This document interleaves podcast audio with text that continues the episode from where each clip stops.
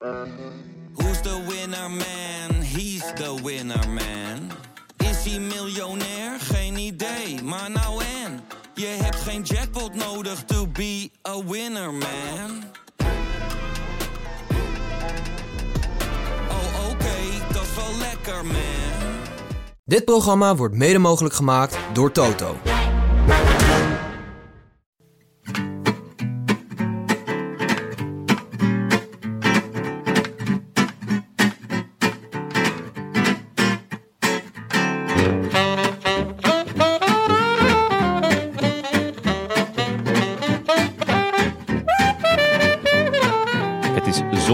16 mei 2021. Zes dagen na Winner Taco. En vanuit de Dag en Nacht Studio's in Amsterdam-West is dit de Rode Lantaarn.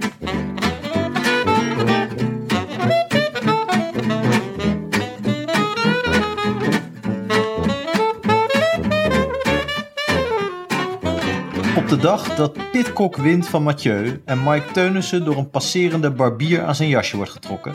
Op de dag dat Bobby Traxel een polo draagt van Van Goghs Sterrennacht en dat Attila de Hun weer gewoon Valter wordt. Rijdt Egan Bernal Koen Bouwman voorbij, zoals iemand op dieet een banketbakker passeert. Keihard en zonder opzij te kijken. Dit zijn de dagen waarop je je realiseert dat asfalteren een overschatte bezigheid is en dat onverhard soms extra hard binnenkomt. Deze Giro, wat een Giro. Waar verdienen we het aan? Er zijn ook bonificaties natuurlijk voor de winnaar. Gaat hij erover? Chicone is nog altijd bij Bernal. Hij joh. erover Ja, nog? tuurlijk, 400 ja. meter. Bernal gaat naar de ritzege. Bernal gaat naar de dubbelslag. Hij gaat de 10 seconden proberen op te pakken. En dat gaat hem eh, lukken ook als Chicone niet meer terugkeert. Egan Bernal uit de Zibakira. Die gaat hier de overwinning meepakken voor Ineos eh, Grenadiers. Ze wonnen al op dag 1 met Filippo Ganna. En op eh, de onverharde wegen is Bernal thuis. Dat hebben we al gezien in Strade Bianche. Nog een paar meter te gaan. Maar zit Ciccone, die zit veraf. En eh, Egan Bernal die toont vandaag dat hij de te kloppen man is in deze Giro. Dat hij de grote favoriet is op het eh, eindklassement. Hij schudt ze allemaal af. Egan Bernal nog 100 meter te gaan. Wat gaat dat eh, vlotjes. Ciccone, Vlaasov. En daar komt nog Evenepoel die zich blijkbaar heeft teruggevonden. Wat een prachtige finale en een hele mooie winnaar. Egan Bernal gaat deze etappe op zijn naam schrijven en pakt de 10 bonificatieseconden. Dubbelslag voor Bernal, de rit en de roze trui. I wish I could be in the south of France. In the south of France. Sitting right next to you. Goeie vraag, Frank. Waar verdienen we het aan? Ja, dit Echt, hè? Het is toch ieder jaar 1 uur weer... en 50 weer minuten, jongens. Ja. De vorige keer. Wat een marathon. Ja, waar verdient het pub- publiek het aan? ja. ja. Was het, eh, ik, ik merkte bij jou wel enige vermoeidheid aan het einde, Frank. Ja, want jij bent dit soort slugfests duidelijk nog niet helemaal gewend. Nee joh, nee, ik, ik zit natuurlijk eh, meer in het, eh, in het schrijven eigenlijk. En dan, nou, dat zijn korte, korte exploten, zou ik maar zeggen. Ja, Een beetje, de, een beetje eh, ja, Amsterdam Gold Race, Ardennen zal nog net lukken. Maar dit waren natuurlijk gewoon echt van die, van die klimmen. Zoals op Hawaii heb je zo'n klim van 50 kilometer volgens mij richting een, eh, Ja. richting een vulkaan of zoiets. Een beetje dat werk. En dat, dat, dat is gewoon slopend. Hoeveel dagen heb je moeten herstellen? Nou ja, het is gewoon een bloedzak erin en dan eh, en, en horizontaal blijven. Want, En een zakje hamkaas natuurlijk. ja, de podcast win je in bed. Dus dat, eh, nee, in principe ben ik redelijk hersteld. Maar het is natuurlijk, dat zullen we gewoon in het verloop van de koers merken. Want je merkt gewoon niet meteen of je... Of nee, je- het is die derde week, hè? ja, precies. Ja. Ah, dat- wat dat betreft heb je grote schoenen te vullen. Want Tim is altijd goed in de derde week. Absoluut. Oh, shit. Ja, Ja. dat is echt een derde week, man. Heeft ook, eh, heeft ook, eh, altijd een finale kokertje voor die derde week. ja. Na de bidonnetjes, zeker. Ja, ja, ja. Ja, wel zo. Envelopjes, buisjes, van alles zit erin. We, hadden er wel, eh, we hebben er wel Eurosport mee gehaald met de vorige podcast. Ja, dat zag heb ik, je, ja. heb Dat je heb- vernomen dat... Nee, eh, dat, dat heb ik even eh, gemist, eh, jongens. het ging, het ging over jouw anekdote over Ivan Basso, eh, Frank. Oh, Daar, eh, ik ben mijn eigen... Ivan Basso, anekdote ook ver- vergeten, geloof ik. Nou, over dat de- Ivan Basso oh, niet kon ja. zwemmen. Ja, de En, Bjarne door, en door. Bjarne Ries voortdurend in het water werd gedonderd. In de hoop dat zijn knecht hem zouden opvissen. En was hij correct, die anekdote? Ja, dus eh, Basso de, kon in ieder geval niet zwemmen. de babbelbelg heeft hem gecheckt bij Karsten Kroon, die inderdaad daar in de ploeg zat. Die, Ja. die, zei, die bevestigde dat Ivan Basso inderdaad niet kon zwemmen. Oh, En, eh, en die eh, eigenlijk uit de context bleek dat dit zeker waar was. Eh, maar Karsten Kroon was er zelf niet bij geweest bij dit specifieke kamp. Ah ja. Hij was wel, Ja. hij was wel. ehm, eh, hij- Die zat hij- waarschijnlijk eh, in een plaggenhut op dat moment. Die had Ja. net weer een wat andere... Het is weten. Ja, die, die had van Bjarne net weer een andere, ander weekend eh Ja, of hij lag al ritueel een, gekregen. een, een kilometer voor. Want het lijkt me ook wel iemand die dan gewoon wegkrolt, kroon. En dan eh, gewoon een beetje Ja. de, de, de sastres en de basso's eh, laat, laat spartelen. Of nou ja, het is, hij, hij zal wel helpen als het eh, penibel wordt. Maar alleen als het echt penibel wordt. echt maar er hij gewoon, zei- er gewoon naast duikt en zijn, zijn eigen, op zijn rug zijn eigen drijfvermogen test. Zoals, zoals in de Dode Zee. Hoe lang hij- kan ik blijven liggen zonder, eh, zonder dat ik zink? Ja, Kroon zei wel dat hij echt genoot van die weekenden. Dus wat dat betreft was je voorspelling ook correct, eh, Frank. Ja, wat goed. Ja, nee, ik denk ook Ja. dat het helemaal voor hem werd georganiseerd eigenlijk. Helemaal niet voor de teambuilding, gewoon om hem een plezier te doen. Maar het is misschien goed, want deze, deze anekdote had ik niet helemaal scherp, maar wist ik nog wel ongeveer hoe het zat. Misschien dat we nu steeds verder naar anekdotes waar ik eigenlijk ook het fijne niet van weet eh, kunnen. En dat we die dan allemaal indirect door Kroon kunnen laten eh, bevestigen dan we ontkennen. Dus we, Dat we allemaal balletjes op gaan gooien. ja, ja, klopt het dat? En dan gewoon iets uitzinnigs over komt dat door. Ja, ze hebben natuurlijk voortdurend zes uur, zes uur om te vullen. Dus ze zullen blij zijn met, met elk bot dat we ze toewerpen. Wij zijn de input podcast gewoon. Ja, dat is wel echt leuk. Is wel een beetje waar, hè? Goed plan, jongens. Ik ben er helemaal voor.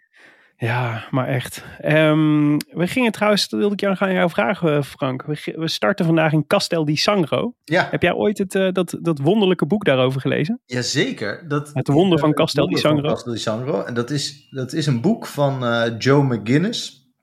En ik, ik heb dat, het is eigenlijk niet eens zo super goed geschreven, maar het is zo'n waanzinnig verhaal. dat het, ik, ik was echt al vrij jong toen het in Nederland uitkwam, toen heb ik het ook meteen gelezen. Eh, dat gaat over een Amerikaan die eigenlijk na het WK van 1994, eh, dat in Amerika was, voetbal, eh, helemaal begeesterd raakt door, Ita- door voetbal op zich. Die sport was hem volstrekt onbekend en die begon daar opeens enorm lekker op te gaan. En dan met name op Roberto Baggio, waar hij... Dat snap ik. De paardenstaart. De, de Il Divino Codino. Eh, de goddelijke paardenstaart. Die, eh, Oh ja, daar ging hij ook mee faxen, wat ik ook goed vind. Dus hij, hij, eh, hij hield een faxrelatie met Roberto Baggio. en die Joe McGinnis, die was, dat was een, toen al echt een soort van legende in Amerika. Omdat hij volgens mij op heel jonge leeftijd een, een enorme bestseller, een non-fictie bestseller had geschreven. Ik dacht over de campagne van Nixon, waar hij echt als 6, 27-jarige eh, bij was. Eh, en hij, hij is ook bekend van het boek eh, The Journalist and the Murderer van eh, Janet Malcolm, waarin die wat minder fraai. hij is wel de journalist, maar in, uit de titel, maar hij komt er niet heel goed af in dat boek. Maar hij zocht een nieuwe, nieuwe bestemming met, voor zijn leven. Het is een jaar in Castel di Sangro gaan wonen. Wat dus een dorpje van drie keer niks was en nog steeds is. En ja, dat jaar, dat seizoen, die club die promoveerde twee keer achter elkaar. Het was echt een, eh, dat was al een beetje duister hoe ze opeens zo goed werden. Eh, dat werd langzaam duidelijk in dat seizoen hoe dat kwam. Was niet alleen maar met wit geld. Ehm, en, eh, en dat was echt een waanzinnig seizoen. Want bij dat, dat blijkt dat een deel van de selectie heeft iets met, dru- met drugs couriers te maken. En op een gegeven moment ver, eh, verongelukken er zelfs twee selectiespelers. eh, ik dacht na een wedstrijd. Het is echt een waanzinnig verhaal. En eh, op, als hij gaat publiceren, wil niemand in dat dorp meer iets met hem te maken hebben. Het is niet een vrij kleine eh, gemeenschap. Dus dat is ingewikkeld als je dan boodschappen wil doen. Maar lijkt het een beetje op die, eh, die trilogie van, eh, van eh, Marcel van Roosmalen over Vitesse? Nou, het is, hij is in die zin wel net zozeer eh, persona non grata eh, bij de club op een gegeven moment, als Marcel. Eh, het is iets minder grappig, het is, iets, iets van, het is ook misschien iets minder goed geschreven, maar het is, er gebeuren veel waanzinnige dingen, omdat het gewoon echt een, ja, die club is echt bijna een soort Sodom en Gomorra in handen van de lokale misdaad of maffia. Echt een hele, hele rare toestand. Hoe heet het boek? Waanzinnig boek. Weten we dat? Wonder van Castel di Sangro heet het boek. Ah, leuk. Ga ik lezen. Ja, het is echt heel erg, heb- eh, heel erg de moeite waard. Oké. Ik, had hem, eh, ik eh, zet hem bij deze op mijn leeslijst. Ik was weer Ja. toe aan iets nieuws. Dus ik dacht, eh, laat ik de kans grijpen om met jou te vragen. Jij weet Ja, alles, alles is- van sportboeken. Jazeker, ja, ja. Het is in de categorie inderdaad Marcel van Roosmalen. Het lijkt misschien nog meer op een boek van Tim Parks, een bekende Engelse schrijver die een keer een jaar met Hellas Verona eh, op ja. pad is geweest. Oh. En ook met eh, de eh, neofascistische eh, aanhang naar allerlei uitwedstrijden reist. Kijk, dan heb je mijn aandacht. Ja, ja. Dus dat kan je ook nog. Ja, seizoen met dat begin Een jaartje FC Maden volgen of zo. Ja, Madense Boys. Hele Madense Dus, boys, ja. Zou ik leuk vinden als jij dat een keer zou doen, Frank? Dat zou echt de schitterend zijn. Boys of gewoon überhaupt iets? Gewoon, ja, nee, sowieso. Als jij, ja, als, welke club zou je willen volgen een jaar op deze manier? Nou, dat, het lijkt me sowieso echt. Ik heb, ik heb een tijdje Vitesse, heel lang geleden, toen ik net begon met eh, schrijven over sport. eh, ben, ben ik door de Volkskrant gevraagd om een tijdje Vitesse te volgen. En dat was ook een beetje geïnspireerd door eh, Marcel Roosmalen. En ik studeerde toen nog. En toen kwam ik erachter, dan had ik één verhaal gemaakt. En de volgende keer dat ik daar was, één keer in de zaterdagkrant, een groot stuk. Ja, kreeg ik gewoon 15 zure mensen aan mijn, eh, aan mijn been. En die zei, ja, zo heb ik dat niet bedoeld. Of, eh, of eh, ik sta helemaal niet altijd zo, weet je. Toen dacht ik, oh ja, Marcel is dit helemaal gewend. Maar dit is voor Ja. mij volkomen nieuw. En ik wil dit helemaal niet. En onaangenaam. Ik vond het heel onprettig. En ik, ik was al een soort van, oh, nog een gast die vanuit de Randstad daar een beetje kwam rondhangen. Dus hadden er eigenlijk aan één wel genoeg. Dus het, ja, het was, ik voelde me daar... Zou je het bij, zou je het bij Lotto Jumbo kunnen, bijvoorbeeld? Eh, bij, bij Jumbo jaar in de misschien voetspoor. wel. Eh, Ja, sorry. Nee, maar eh, ja, dat is natuurlijk bij een wielerploeg. Ik heb er wel eens over nagedacht. eh, los van dat ik eh, eh, dat het volgens mij praktisch best ingewikkeld is. Omdat er natuurlijk geen plek is waar die mensen iedere Nee. dag zijn. En Nee. dat is natuurlijk de hele lol van zo'n zo'n Ja, voetbalboek. Dat ge- gehang in kantines en Ja, bussen. En het broodje bal. er wordt minder gehangen inderdaad, dat is zo. Ja, dus Er wordt te weinig gehangen misschien wel. Ja, je hebt natuurlijk bij die, bij die eh, eh, ploeg van eh, DSM, of toen het nog Sunweb was, ik weet niet hoe dat nu zit, had je die opleidings, eh, dat die jongens allemaal woonden in zo, op zo'n eh, op zo'n Ja. complex. Oh ja, Ja. ik weet niet hoe dat dat, had nog nu zit, gekund. maar daar, daar gebeurt dat dan nog wel een beetje. Want daar, daar zijn dan alle talenten uit België en Nederland en weet ik veel waar allemaal vandaan, die met elkaar eh, best wel op elkaars lip zitten. En er zijn natuurlijk maar een paar plekjes eh, bij de pros, dus dat, Ja. dat, is, dat zou nog wel geinig zijn, ja, zoiets. Maar bij, bij Hmm. wielerploeg is lastig. Ik heb er wel eens over nagedacht. Maar Oké. nou ja, mocht iemand tips hebben, ik, eh, ik hou me zeer aanbevolen. Ik kan, Ja, ik kan niet autorijden, maar ik kan wel heel goed kaart lezen. Nee, maar als we vrienden van de show hebben, dan betalen wij dat gewoon, joh. Dat. Oh ja, dat is ook. Ik kan ook misschien de uh, Roland Lantaarn een jaar volgen. Maar goed. Dat, eh, Dat zou leuk zijn. Nee, dat is helemaal Nou. niet leuk. Dat werd al geopperd hè, op Twitter. Dan word ik dadelijk de, de Julian Jenner van, eh, van de Rode Lantaarn. Ah, dan hoop Nee, ik dat ik Jakubu, dat ik die ben. ja, precies. Dan begin ik ook een handeltje in horloges achter het Centraal Station. Ai, ai, ai. Overal 80 rijden. Ja. Gaan. of Remco van der Schaaf, die bij ieder radio-interview van Omroep Gelderland op de parkeerplaats ging zitten toeteren. Zodat al die auto's flipten. Zo goed. Jongens, gehonoreerde verzoeken tot rectificaties. Jonne. Ja, nou, eh, niet per se een rectificatie, maar ehm, meer een, een aanvulling. Eh, een aantal weken geleden hadden we de, de schitterende eh, voice memo van Iris Baakma, die enorm genoot van mijn stem. En nou, volkomen terecht als je het mij vraagt. Ehm, maar daar is dus een, eh, een extra leuk mailtje opgekomen van eh, Sandra van Aalderen. Ten eerste bedankt voor de ge- gezellige podcast en altijd gezellige compaan tijdens alle autoritjes. Als trouwluisteraar en vriendin van de show heb ik eigenlijk nooit de behoefte gehad om te reageren. Ik geniet er gewoon stilletjes van. Echter, in de laatste aflevering waren er twee momenten waarbij ik de behoefte kreeg iets van me te laten horen. Ten eerste, als toevoeging op de groetjes die werden gedaan door Iris, de lofzang op Jonnes stem en de, de, de teleurstelling bij Willem en Frank.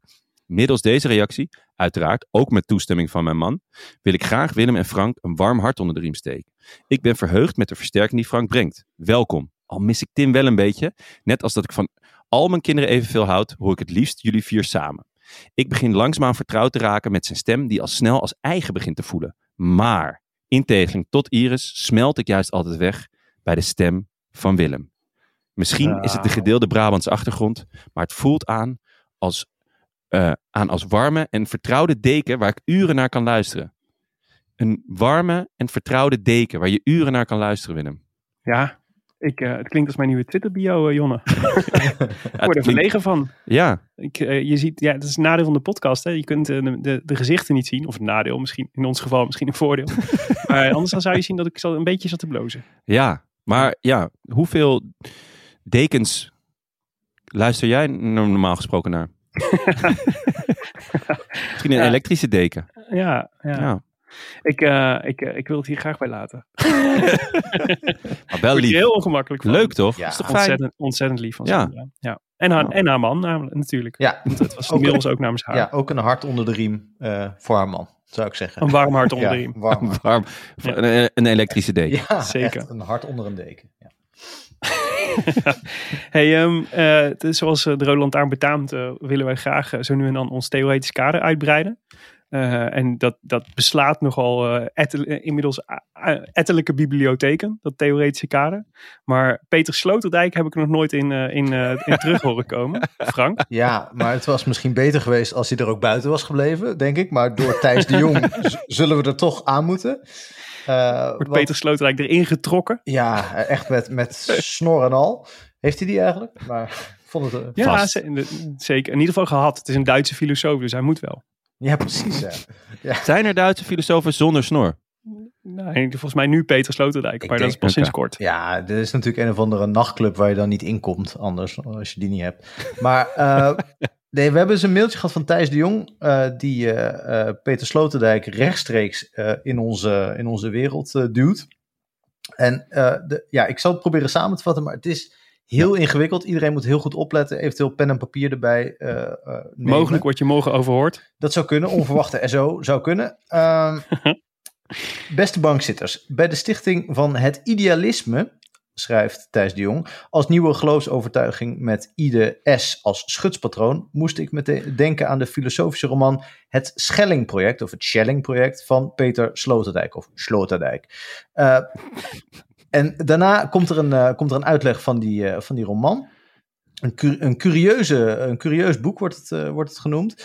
En eh, eh, die roman wordt ook vergeleken met de stijlvorm van de Rode Lantaarn, namelijk associatief, hermeneutisch, ironisch, interactief, esoterisch, erotisch, de schoonheid van Ghana en vooral onovertroffen Ja. geestig. Kortom, een dikke aanrader, het. Schellingproject van Peter Sloterdijk. Maar één eh, aspect uit het Schellingproject is het fragment waarin Sloterdijks alter ego, altijd goed als er een alter ego in voorkomt, een lofzang op de wielersport zingt. Ik citeer, eh, doet eh, dat eh, Thijs de Jong citeert en ik citeer Thijs de Jong weer. Als ik gefrustreerd raak, ga ik normaal gesproken een stuk fietsen. Na twee uur in de buitenlucht kom ik weer heerlijk leeg thuis. Onsportieven begrijpen maar moeilijk dat de meeste problemen kunnen worden opgelost met de benen. Ik weet niet zeker, Koert, of je dat begrijpt, maar wielrenners zijn geen gewone sporters. Zij getuigen van het reële escapisme. Zij leveren het bewijs dat alleen de vlucht naar voren tot oplossingen leidt. En dat is natuurlijk de kern van het idealisme eigenlijk, in het kort gezegd. Einde citaat, dat had al eerder gemoeten. Maar eh, belangrijk eh, hierbij is dus dat Ide eh, de vlucht naar voren, die moet hij onthouden. En voor de rest moet hij zelf maar het Schelling-project even grondig doornemen op, om, om, ja, om zich een beetje geïnspireerd eh, te laten voelen voor de komende seizoenen. De- het lijkt me, het- voor mij is het echt te ingewikkeld. Je zou kunnen zeggen, het is de, eh, de renner voor, eh, voor mensen Peter die, Sloterdijk aan zich. eh, ja, ja, ja, denk ik eigenlijk wel. Peter Sloterdijk is, eh, Yep. in mijn hoofd is dat gewoon, en niet, nu niet alleen in mijn hoofd, maar eh, überhaupt, eh, echt hardcore filosofie, toch? Of niet? Ik, heb al, ik ben er altijd Ja. een beetje door geïntimideerd, door de naam Peter Sloterdijk al. Ja, Tim- mijn moeder probeert echt al jaren mij dit te laten lezen. Maar ik we hebben tot nu toe eh, heb ik me er onderuit weten te barbapapa. Tim vertelde dat hij, eh, dat hij een keer bij een lezing van Peter Sloterdijk was. En zo hard in slaap was gevallen dat, hij, dat, die, dat alle mensen opkeken omdat hij zo hard aan het snurken was.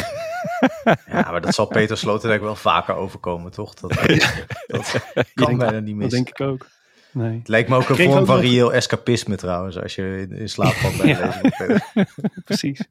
Ah, ik voel me altijd zo dom bij dit soort mails. Het Ja, zijn mensen die daadwerkelijk Peter Sloterdijk lezen, denk ik dan. Ja, maar Frank is ook gelijk begonnen hè, met Peter Sloterdijk. Want ik, eh, met het oeuvre. ik had dit... eh, ja, ik had, eh, ik had hem ge-sms'd eh, vanmiddag van... hey, ik heb dat even bij jou over de schutting gegooid.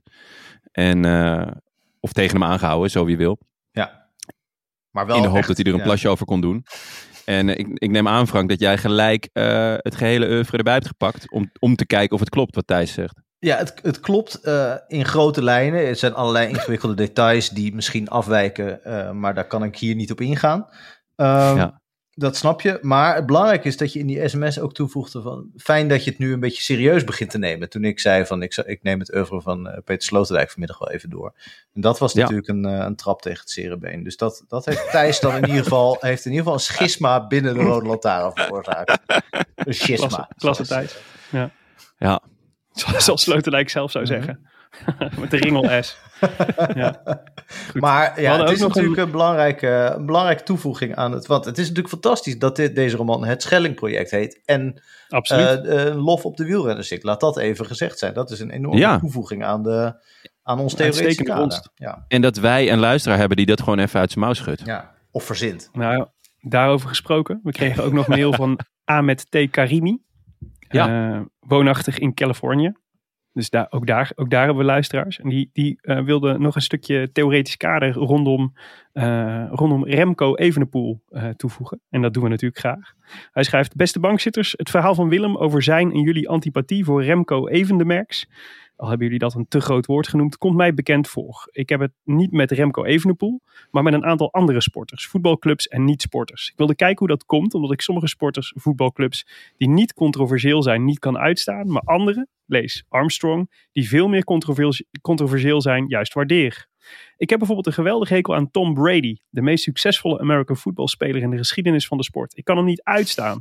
Maar waarom? Dat komt zeker niet door American football. Want ik kijk er, niet ik kijk er niet naar. En ik heb geen favoriete teams die Brady eigenhandig heeft verslagen. Komt het omdat hij bevriend is met Trump? Nee, want ik mocht hem al voor, uh, voor Trump niet. Komt het vanwege zijn succes? Misschien, maar waarom heb ik dat dan niet met andere zeer succesvolle sporters? Ik ben gaan onderzoeken of zulke gevoelens op een rationele manier verklaard kunnen worden. En ik kwam uit op de term parasocial interaction parasociale interactie, zoals we in Nederland zeggen. Deze term, bedacht door de sociologen Richard Wool en Donald Horton, verwijst naar intimiteit op afstand. Deze intimiteit wordt veroorzaakt door de eenzijdige interactie die wij hebben via de massa of sociale media. En omdat wij de meerderheid van onze tijd doorbrengen op die media, net als onze sporthelden of sportgriezels, ontwikkelen we een parasociale relatie die voelt als een persoonlijke relatie. Parasociale relaties kunnen verschillende vormen aannemen, variërend van extreme aanbidding tot normale romantische relaties en vriendschappen, naar meer negatieve relaties die kunnen leiden tot onverschilligheid of zelfs antipathie. Dus mijn en jullie antipathie voor Brady en Even de Merks komt wel degelijk door hun gedrag en niet vanwege hun afkomst of sportsucces of wat dan ook. Trouwens, ik heb ook een godschuwelijke hekel aan Rafael Nadal, Juventus en Real Madrid. En ik ben tegenwoordig in een positieve parasociale relatie met Kate Winslet. Groeten vanuit California, Ahmed Karimi. Ja, dat is, dat is toch fijn dat hij dat hij in een positieve parasociale relatie met Kate... Ik denk dat we dat allemaal wel willen. Ja, absoluut. Toch? Kunnen we, Hoe kun je met meerdere, mensen, met meerdere mensen met Kate Winslet uh, verkeren? En, ja, denk ik wel, toch? In een parasociale relatie zit denk ik geen... Uh, is het, er zit geen is niet uh, monogaam, toch? Nee, nee daar, zijn, daar zijn nog geen, uh, nog geen hokjes voor. Vind het heel interessant, die parasociale relaties. Die gaan we, eens, die gaan we vaker terug laten komen in de rode. Ja. Goed. Ja. Jongens, op naar de koers. Yes. Um, ja, we moeten, laten we het eventjes uh, chronologisch afwerken. Dus we hadden donderdag een, uh, onze, onze eigen monster-etappe. van 51 minuten. Maar gelukkig ja, konden we vrijdag een beetje bijkomen. Want daar gebeurde eigenlijk niet zoveel. Sprint-etappe, nee. wel even tot mijn grote vreugde. Het paard van Napoleon zat wederom in de ontsnapping. ja, Marengo, Marengo gaf, uh, gaf, uh, was, uh, gaf acte de présence. Ja. Um, verder was er eigenlijk niet zo heel veel spannend. Hè? Caleb Ewan won. Ja, ja, voor Chimolai. En dat mag toch ook wel in de krant? Ja, dat hij tweede is. Ja, dit is de tweede keer al dat hij tweede werd. En dat is toch echt opvallend. Dat was Wat? toch echt... Die was echt afgegleden tot een C of D sprinter. En die wordt nu gewoon twee keer tweede in de Giro. Ja. Is toch ja. voor Israel Startup Nation toch gewoon uh, pure winst? Dat deze ja. vogel twee keer ja. tweede wordt, toch? Zeker, ja. ja. Alleen niemand onthoudt een tweede plek, hè? Dat is een beetje jammer. Ja, wij toch? Uh, ja.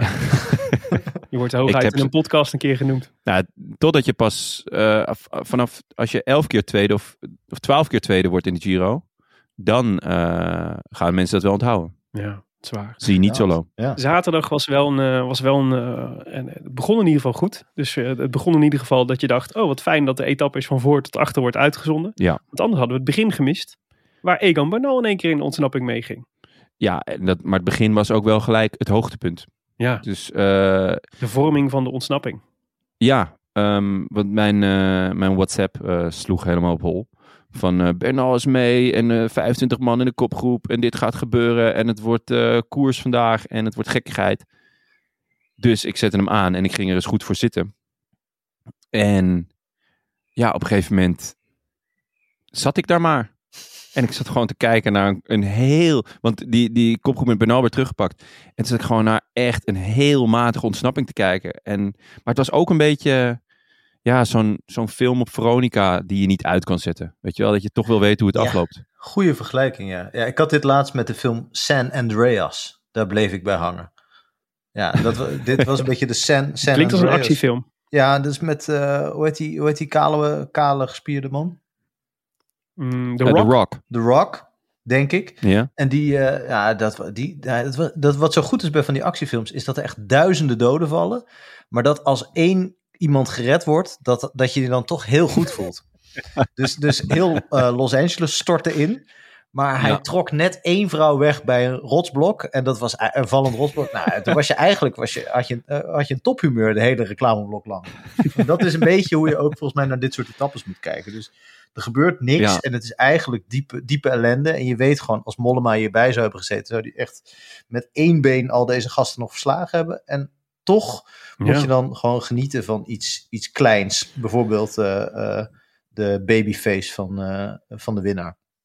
Om maar wat te noemen. Ik zag het hem niet echt proberen, ook Mollema. Ik had wel, ik had overduidelijk zijn, zijn pijlen op vandaag gezet. Ja. Ja, het was natuurlijk een meer pre prestigieuze, prestigieuze rit. Maar ja, ook meer kapers op de kust. Ja, absoluut. Zou, de, zou er nou een, had, Franse equivalent van de Rode, van de Rode Lantaarn zijn die, uh, die net zo blij zijn met de winst van Victor Lafay als wij met de winst van Taco van de Hoorn waren?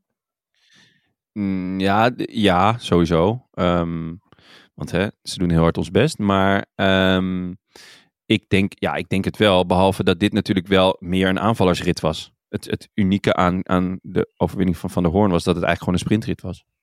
Ja, toch? Ja. Dus die is veel knapper dan deze. Ja. Victor ja. Lafay mag, mag de schoenen nog niet eens poetsen van Taken van de Hoorn, wil je zeggen? Met zoveel woorden.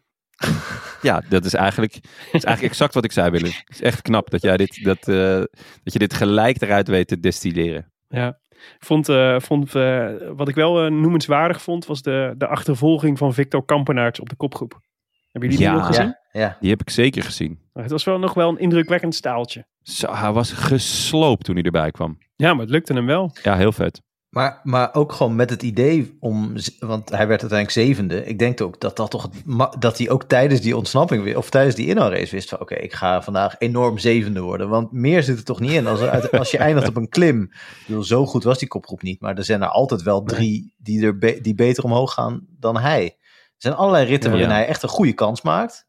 Maar zaterdag was een van de weinige ritten waarin hij volgens mij geen enkele kans maakte. Nee, ja. hij, hij, vond het volgens mij zelf uh, uiteindelijk ook niet de slimste actie. Maar ja, als je niks probeert, dan, uh, dan, dan, dan win je het nooit. Daarom, dan was hij 48ste geworden. Of, ja, daar was of hij nou wat minder. Ja, je zou hooguit kunnen zeggen, spaar je krachten voor een, voor een rit waar je meer kans maakt. Ja, ja misschien wel. Ja, het, uh, die ploeg is een beetje zoekende natuurlijk. Hè? Nu um, in dit soort ritten, nu Dr. Potso uh, naar huis is. Die is abandon. Dat is toch hun, hun klimkopman. En uh, in de sprintritten zal hij toch voor niet solo moeten werken. Dus ja, dan, dan zijn dit toch een beetje de ritjes uh, ja, waar hij het de, zou moeten proberen. wat was de reden waarom Dr. Pot zo uh, is afgestaan? Hij had al 20 minuten verloren, geloof ik. Ja. Um, David Dekker al 1 uur en 44 minuten. Ja, maar die kwam hier niet per se voor een top 10 plek, hè ja, had ik wel, had ik wel stiekem rekening mee gehouden. En de Giro is nog lang. Ja, nee, zeker. En, en het is een ontdekkingstocht voor David. Dus wat dat betreft, voor hetzelfde geld ramt hij die berg op. Maar um, volgens mij was uh, Dr. Potso uh, ook nog eens gevallen. Maar dat, oh. dat weet ik niet helemaal zeker, hmm. to be honest. Okay. Um, dus uh, ja. maar ze zijn aan het zoeken. Hm? Maar ze zijn aan het zoeken bij Koebekker. Nou ja, ze hebben natuurlijk niet solo. Maar ja, die wordt altijd tweede. dus ja, dan. Ze hebben in, deze, in dit, soort et, dit soort etappes hebben ze gewoon niet zo heel veel. Hmm. Oké. Okay. Vandaag uh, reden we dus, uh, vandaag was eigenlijk de, de, de dag waar we een beetje naar uitkeken. Ja, het is echt een, uh, de, misschien denk ik de zwaarste rit tot nu toe. 158 kilometer door de Appenijnen, 3400 hoogtemeters. Eh, waarvan het laatste deel, behalve stijl, ook nog eens onverhard. Nou, dat, dat hebben we gezien. het leek op een, op, niet eens zozeer op een, op een, eh, op een eh, Geitenpaadje. nee, het leek meer op een weg die nog geasfalteerd Ja, moest precies. worden. Die gewoon nog Ja. niet klaar Iets was. wat ze vergeten zijn. Of, of waarvan de Ja. organisatie heeft gezegd van, wacht daar nog maar even mee. Dan doen we eerst, Ja, ja, weet je? doen we eerst de rit. Wacht nog maar even. Dat er zo'n flatwals Ja, net buiten beeld stond om het, eh, om het af te maken. Ja, nou, die stond er letterlijk. Ze, ze ja, stonden, die stond er wel. Ze stonden letterlijk tot, eh, tot denk ik, een half uur voor de finish. Waren ze aan het walsen om, om nog een beetje... Om, Om er nog iets een- van te maken. nog iets van te maken. Het voelde een beetje als, ehm, als dat je te laat bent begonnen voor een tentamen. Weet je wel, dat je nog Ja. om, eh, om zeven uur ochtends het wekkertje zet. Ja, of, of in de van nou, ik pak de tram, dan kan ik daar nog tien minuutjes eventjes, eh, nog Ja. even die laatste paar woordjes erin Maar er zit, er zit daar in dat soort dingen zit altijd zo'n soort van ingebakken dubbelheid. Want dus, je ziet dan dus aan de ene kant dat ze, want ze deden dat denk ik, omdat ze dan willen voorkomen dat het zeg maar, eh, dat het te gevaarlijk is. Dus je wil natuurlijk niet dat, dat, dat een van de kopmannen eh, of voor de klassementsmannen lek rijdt, weet je wel, op zo'n stuk. Of echt eh, pech krijgt door de ondergrond of wat dan ook. Een sinkhole. Maar aan de andere kant- ja. Ja, maar ja, precies. Maar aan de andere kant heb je toch niet, heb je toch deze aankomst specifiek gekozen vanwege het verwachte spektakel dat toch een beetje daarop neerkomt, weet je wel? Het is, het is altijd een beetje, het is, het is een beetje dubbel. Dus of je Eh. pak, of je legt er asfalt op, of je Ja. laat het zoals het is, maar je gaat En- er niet een half uur van tevoren met een wal, pletwals overheen. Nee, klopt. Dat is inderdaad... Tegen de pletwals ben ik. Ja, het, het, het is heel raar. Gekke, gekke, gekke dubbelheid. Goed. Ja. Ik eh, was vrij vroeg, eh, vrij vroeg aangehaakt. Want ik dacht, leuk, de strijd om de kopgroep, dat wordt een, eh, wat, wordt een mooi. Want we gingen eigenlijk vanaf het begin af aan, vanuit Castel di Sangro, eigenlijk al meteen, eh, al meteen bergop. Eh, en dat was eigenlijk ook meteen vanaf het begin was het, Ja. was het knallen om in de vlucht Ja, te zeg. komen. Dinner was served. Juniorenkoers. Zo, man. Ja, Hoe lang hebben ze erover gedaan? 80 kilometer of zo? Voordat er een kopgroep was? Zoiets ja. Het was echt... Ja, er waren de hele tijd kopgroepen, maar ze werden de hele tijd weer teruggehaald. Was het, voortdurend was er iemand niet tevreden over de samenstelling van de kopgroep. Ja. ja. Ja, echt smullen. Nee, ehm, eh, elke keer was het of Frances de Jeu die niet tevreden was, of ehm Ineos of eh, de Koning Quickstep. Wat Ja. ik ook wel leuk vind, want ehm, ik ben op een bepaalde manier best fan van de Koning Quickstep. Omdat ze altijd de keus maken van oké, we willen gewoon het meest succesvolle team worden. En dat doen we door gewoon alle klassiekers te winnen. En eh, de beste sprinter te hebben en dus allerlei etappes. En nu, voor, eigenlijk voor het eerst in, nou ja, jaren, gaan ze dus vol voor een klassement. Eh, vorig jaar een beetje per toeval natuurlijk met eh, Almeida. Ehm, maar nu gaan ze dus met, met Evenemerks voor, voor een klassement. En doen ze dus heel andere dingen. Want vandaag probeerde dus eh, Fausto Masnada eh, mee te glippen. En die werd geschaduwd door Daniel Felipe Martinez. Ja, dat zijn van die heel vette kleine koers in koers battles. Ja, ik heb er echt van genoten de eerste, het eerste Ja. uur. Ja, dat was wel een beetje. Dus, dus je zag dat veel kopgroepen mislukten. Of omdat er dan net wel of net geen eh, assistent van een grote kopman bij zat. Zeg. Mhm. Ja, of, of dus dat, dat er ehm, een, eh, een renner in, bij zat die, die te veel gevaar was voor de roze trui van eh, Attila de Hun. Ja, ja, precies. Die Ja. hem uiteindelijk toch wel ging verliezen. Ja, nee, dat klopt. Ja, dus op een gegeven moment was, eh, ontstond er, een, eh, ontstond er eh, een, eh, echt een grote, grote kopgroep. Met eh, Galopin, Bouchard, Sepulveda, Luis Leon, Visconti, Zana, Fabro, Ede, Carr, Ruben Guerrero, Bennett, Bouwman. Dus Bennett zat erbij. Was opvallend Ja, ja. natuurlijk. De voormalige klassementsman van, eh, van Jumbo. Die eigenlijk toch met deze vlucht min of meer toegaf. De Giro is niet per se eh, meer voor het klassement. Nee, maar dat was, hij was, stond al 10 minuten achter. Hè? Ja, precies. Maar ja, hè. Bouwman, Rubio, Kangert, Michael Storr van DSM, Pauke Ja. Mollema en Diego Ulissi. Wat natuurlijk leuk was, want waren twee Nederlanders, Mollema en Bouwman. En die, eh, als je die samenstelling van die groep zag, dan dacht je, die jongens zijn niet kansloos in deze groep. Ja, en je dacht ook, eh, dit zijn renners die al, al 15 jaar lang in dit soort eh, etappes voorop liggen, volgens mij. Toch? Ja. Een aantal van dit soort Ja. mensen, die Ede en Ja. eh, Luis Leon Sanchez, die gewoon al mijn hele volwassen leven rijden die in dit soort ritten eh, voorop. Vlak Tano Kangert niet uit hier. Tano Kangert. Ja, zeker. Ja, ja, en, en sommigen Ja, De hebben gewoon... zoete aardappel. Of Visconti, die is... Ja, hoe oud is die intussen? Ja, ouder, dan- ouder dan Willem. ja. ja. En dan Ja. moet je maar stoppen. zeker al een crisis. Zeker in, zeker in aanmerking voor de grijze trui, Zeker Giovanni. een podcast. Ja. Nee, dat is waar. Nee, maar het- wat het opvallende was, dus dat ze. eh, daarachter was eh Frances Desjeux, die, eh, die de koers controleerde, natuurlijk voor, voor Attila de Hun. En die hield ze redelijk eh, binnen schootsafstand. Dus de maximale voorsprong was 3 minuten 10. Ja. Dus het was Tano Mhm. Kangert zelfs niet gegeven om virtueel in het roze te rijden. Wat ik heel sneu Ah, vond. Ja. Eh, en, eh, maar die, die voorsprong bleef ze keurig, die hielden ze keurig constant. Dus over elke berg waarheen, waar, soms eh, liep het op tot eh 3 minuten 10 maximaal. En dan liep het weer terug naar 2,5 minuut. Maar het bleef een beetje schommelen daartussen. je Ja, had de- eigenlijk voortdurend het idee, ja maar jongens, dit is echt nog, dit is nog te speelbaar. Ja, maar dat, dat was volgens mij ook wel een beetje het idee. Ehm, Want toen Frances de Jeu dus denk ik niet echt meer op kon brengen, toen zag je eigenlijk gelijk de, ja, de, de Ineos eh, bots. Zag Ja. je gewoon eh, aan, het, eh, aan het front. En die namen over en toen wist je eigenlijk wel van oké, Bernal heeft plannen, Bernal is goed.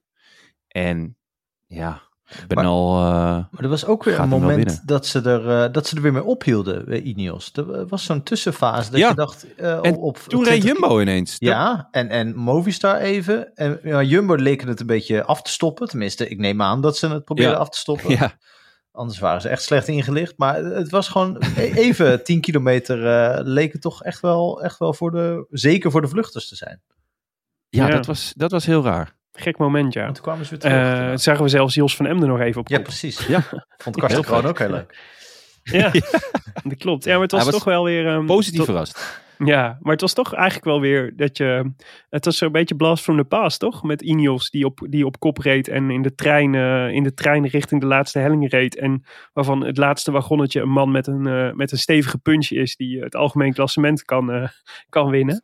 Ja, eh, hoe, enige- hoe erg blast van de past vind je dat? Want ze hebben bij Monde gezegd, we gaan anders koersen.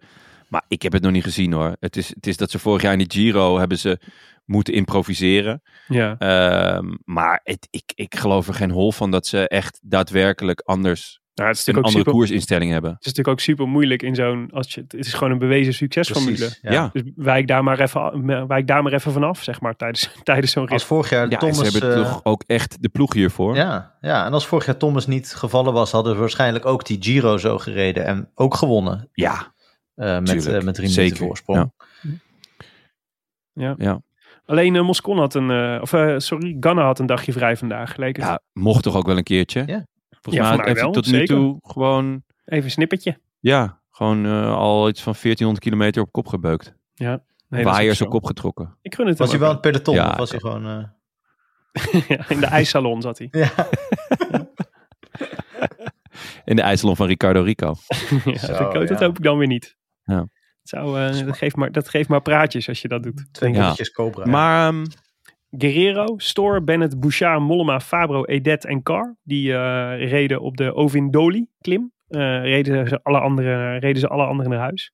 En, eh, en leek het erop dat de winnaar nou ja, eh, of bij de klassementsmannen hoorde. eh, of eh, of uit deze groep ging komen. Wij hoopten natuurlijk heel hard op Mollema of, eh, of eh, Koen Bouwman.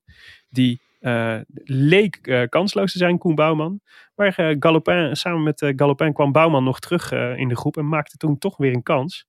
Maar ondertussen waren voorin Carr van EF Education en Bouchard, die echt een berenkoers reed. Want hij was, Ja. reed naar alle punten voor de bolletjestrui. Ja. Die, die gingen er met z'n tweeën vandoor. ja, maar Mollema snoept ook nog wat mee, hè? Opvallend, hè? Ja. Mollema gaat voor Dus- de bolletjestrui. De Bollema. Gewoon kunnen we nu al callen, toch? Mauke Ja. Bollema. Mauke Bollema. Heerlijk. Ja. Nee, ik, was er wel, ik werd er wel gelukkig van, want hij deed het ook Ik heel ook. slim. Zeker aangezien ik er gisteravond op heb ingezet. Op uh, Mollema in de bolletjestrui. Ja, zeker. Leuk. Nou, Leuke quote nog hoor. Goed, goed, heel goed. Nee, dit was, dat was verheugend. Want ik dacht de eerste keer, uh, de, toen ik, de, de, ik moet zeggen, toen ik hem de eerste keer zag sprinten voor de tweede plaats op de, op de, op de berg. Uh, ik mijn hart maakte wel een sprongetje. Ik dacht, dit betekent wel wat. Ja. Want het betekent dat je de rest van de, van de Giro ook waarschijnlijk veel in de aanval gaat rijden. om die punten maar binnen te trekken. Helemaal eerlijk, want het is toch, of helemaal eerlijk, alsof jullie tot nu toe de boel uh, enorm zitten op te lichten. Maar uh, het, is toch, het is toch ook, als je die kopgroep ziet en je, er zijn nog zeven of acht over. En dan, dan denk je toch eigenlijk, Mollema is de, is de beste klimmer en die gaat hier de rit winnen. Of die gaat in ieder geval als laatste van die groep Ja. overblijven. Dus het valt toch, het valt mij eigenlijk een beetje tegen. Ondanks dat hij super zijn best doet en, en heel fijn is om de hele dag naar te kijken. Vind ik het ook Mhm. jammer dat hij net niet top lijkt.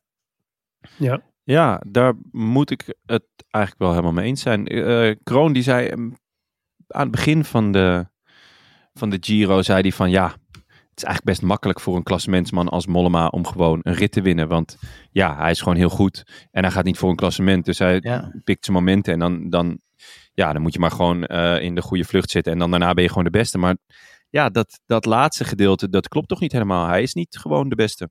Nee, nou ja, hij is wel gewoon, hij is natuurlijk een steengoede renner. Dus het zal voor hem makkelijker zijn om in de vlucht te komen. Maar je moet natuurlijk ook nog maar gewoon net de mazzel hebben. Weet je wel, dat, dat, er, dat je wel de ruimte krijgt van zo'n achtervolgende groep. En dat je net op de juiste momenten de juiste beslissing neemt. Weet je, dat, ja, ik snap het wel. maar er zullen maar weinig, denk- eh, weinig dagen zijn dat hij het echt tegen Koen Bouwman op de slotklim moet eh, afleggen eh, be- bergop. Want Bouwman was denk ik op de slotklim de beste. ja, En dat, Ja. dat was toch wel, vond ik echt verrassend. Ja, zeker. Hoewel natuurlijk, daar zaten natuurlijk vorig jaar in de Giro, waar eh, Jumbo-Visma vrij snel na een week volgens mij de, de Giro al moest verlaten. waren er natuurlijk ook al echt al momenten dat Bouwman bergop echt met de beste mee kon. Eh, dat vond ik ook al opvallend. Dus ik had wel gedacht van, eh, van ik, ik, had hem, ik had Bouwman in ieder geval ook bij de favorieten uit die kopgroep gerekend. Eh, en voor mij was eigenlijk vooral steeds de vraag van, ik dacht wel van, je, je zag eigenlijk al vrij snel van wie de sterkste waren. Het was eigenlijk vooral de vraag, gaan ze het überhaupt het? redden? Ja. Want, die, want, die, want die, eh, de, de, het, werd, wel steeds, het werd wel steeds penibeler. Dus je had ook steeds meer het gevoel, wat er van voren gebeurt, is misschien uiteindelijk in de long run niet meer per se heel relevant. Zeg maar, wie er nou naar wie rijdt. Klopt, maar uiteindelijk gaan ze er pas overheen in de laatste 400 meter. Ja, maar hoe? Dus- ja. ja. ja, want Bouchard was, eh, was weggereden. Ja. En eh, nou, Ba- Bouwman eh, die, eh, die gaat er naartoe. Waar een groot gedeelte van de eh, achtervolging hebben we natuurlijk gemist. Hè? Mhm. Door In de tunnel. Ja, een tunnel. Heel vet. Meer tunnels element. in de finale. ja. Ja. ook Prikkelt, finishes in de fantasie. Ja, Dat lijkt me goed. gewoon vaker überhaupt sport, sport in tunnels. Maar het lijkt mij, wat mij echt heel leuk lijkt, is ik hoop wel dat ze iets leuks hebben georganiseerd in die tunnel. Dus dat het voor die, voor die renners ook een soort absurdistische ervaring... Het moet voor die renners moet het een absurdistische Een clown ervaring of zo. zijn die, Ja. die wij niet meekrijgen. Ja, een clown. Of een stukje uh, sol wat dan discolampen. wordt ge- geprojecteerd op de zijkant van het scherm. of Ja. van, de, van, de, van de tunnel. Ja. Ja, of eh, gewoon, eh, weet ik veel, allemaal posts van Armstrong of zo. Opdrachten die je Ja. moet doen om door te mogen. Raadsels. Of, allemaal, eh, of alle boeken van Mart Smeets die je dan moet ontwijken. Ja, een escape room. Dat soort dingen. escape room, dat zou vet zijn. Een escape room in die tunnel. Ja, je, Ja, moet ook, eh, je moet ook je hoofd gebruiken hè, in de Giro. Maar, maar extra mooi dan, zeg maar, dat, eh, dat, dat eigenlijk de, als de, de- die kilo, dat was maar een kilometer. En het kwam eigenlijk ongewijzigd uit die tunnel. Terwijl ze toch al die opdrachten hadden moeten doen. Bouchard kwam er nog steeds als eerste uit. Ja, maar eh Bouwman zat er wel korter op daarna. Dat Dus is die-. Die, die, had, eh, die- was eerder uit de escape room. Ja, die had eerder die, eh, die, eerder boeken van, eh, van Mart uit. Die had, Ja. die had Eh, Maar hij, Ehm, nou, hij, kwam er, hij kwam er snel op, eh, op Bouwman, op Bouchard. Dus dat was natuurlijk heel hoopvol. Want je dacht, oh, hij is de sterkste man. En ik dacht op dat moment, eh, eigenlijk de enige manier om dit te winnen is als je er nu op en over gaat. Eh, en, en zo snel mogelijk. En dat, ik, ik verschilde daarin erg van mening met, eh, eh, met de Babbelbelg. Die, zei, die eigenlijk zei, en nu even rustig bijkomen. Of ja, zoiets. dat vond ik ook niet een... Dacht eh, ik, ja, nu maar niet dit gek is- doen of zo, zei hij. Terwijl Ja, hij moest gek gewoon doen. gek doen. Het was nog een kilometer. Hij moest helemaal loesoe gaan, man. Het was echt, eh, dat was echt, dat was het belangrijkste. Ja, hier zien we Ja, de verschillen want, tussen de- twee volkeren, volgens mij, eh, worden hier heel duidelijk. Ja.